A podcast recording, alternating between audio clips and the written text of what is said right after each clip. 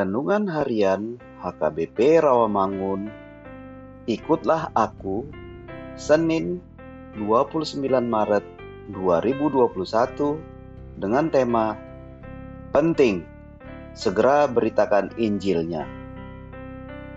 Bacaan kita pagi ini tertulis di dalam Mazmur pasal 28 ayat 1 sampai 9 dan bacaan kita malam ini tertulis di dalam Injil Matius pasal 26 ayat 36 sampai 46. Dan kebenaran firman yang menjadi ayat renungan harian kita hari ini diambil dari Injil Matius pasal 24 ayat 14 yang berbunyi dan Injil kerajaan ini akan diberitakan di seluruh dunia menjadi kesaksian bagi semua bangsa Sesudah itu barulah tiba kesudahannya. Demikian firman Tuhan. Kristus tidak memberi jawaban apa pun kepada murid-murid mengenai hari atau tahun nubuat tersebut akan digenapi. Karena kita tidak perlu mengetahui masa dan waktu yang ditetapkan Bapa. Ia menjawab dengan lengkap, karena kita perlu memahami tanda-tanda zaman Kristus cenderung menggugah kewaspadaan murid-muridnya daripada memuaskan rasa ingin tahu mereka. Lebih untuk mempersiapkan mereka dalam menghadapi peristiwa-peristiwa yang harus terjadi daripada memberikan penjelasan tentang kejadian-kejadian yang akan datang.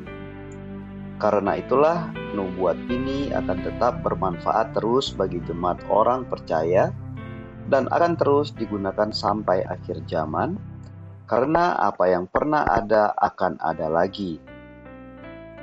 Semua rangkaian, hubungan, dan pertanda berbagai peristiwa akan mirip dengan yang telah ada sebelumnya.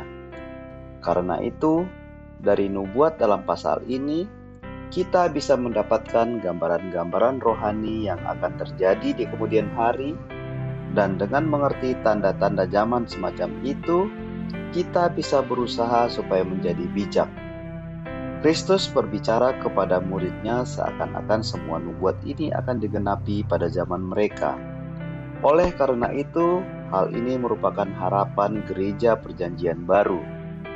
Hal yang sama ini hendaknya juga menjadi harapan dari semua orang yang percaya pada Yesus Kristus sepanjang zaman. Kita harus senantiasa mengharapkan kedatangan kembali Tuhan dan bahwa akhir zaman akan tiba pada angkatan kita. Amin. Marilah kita berdoa.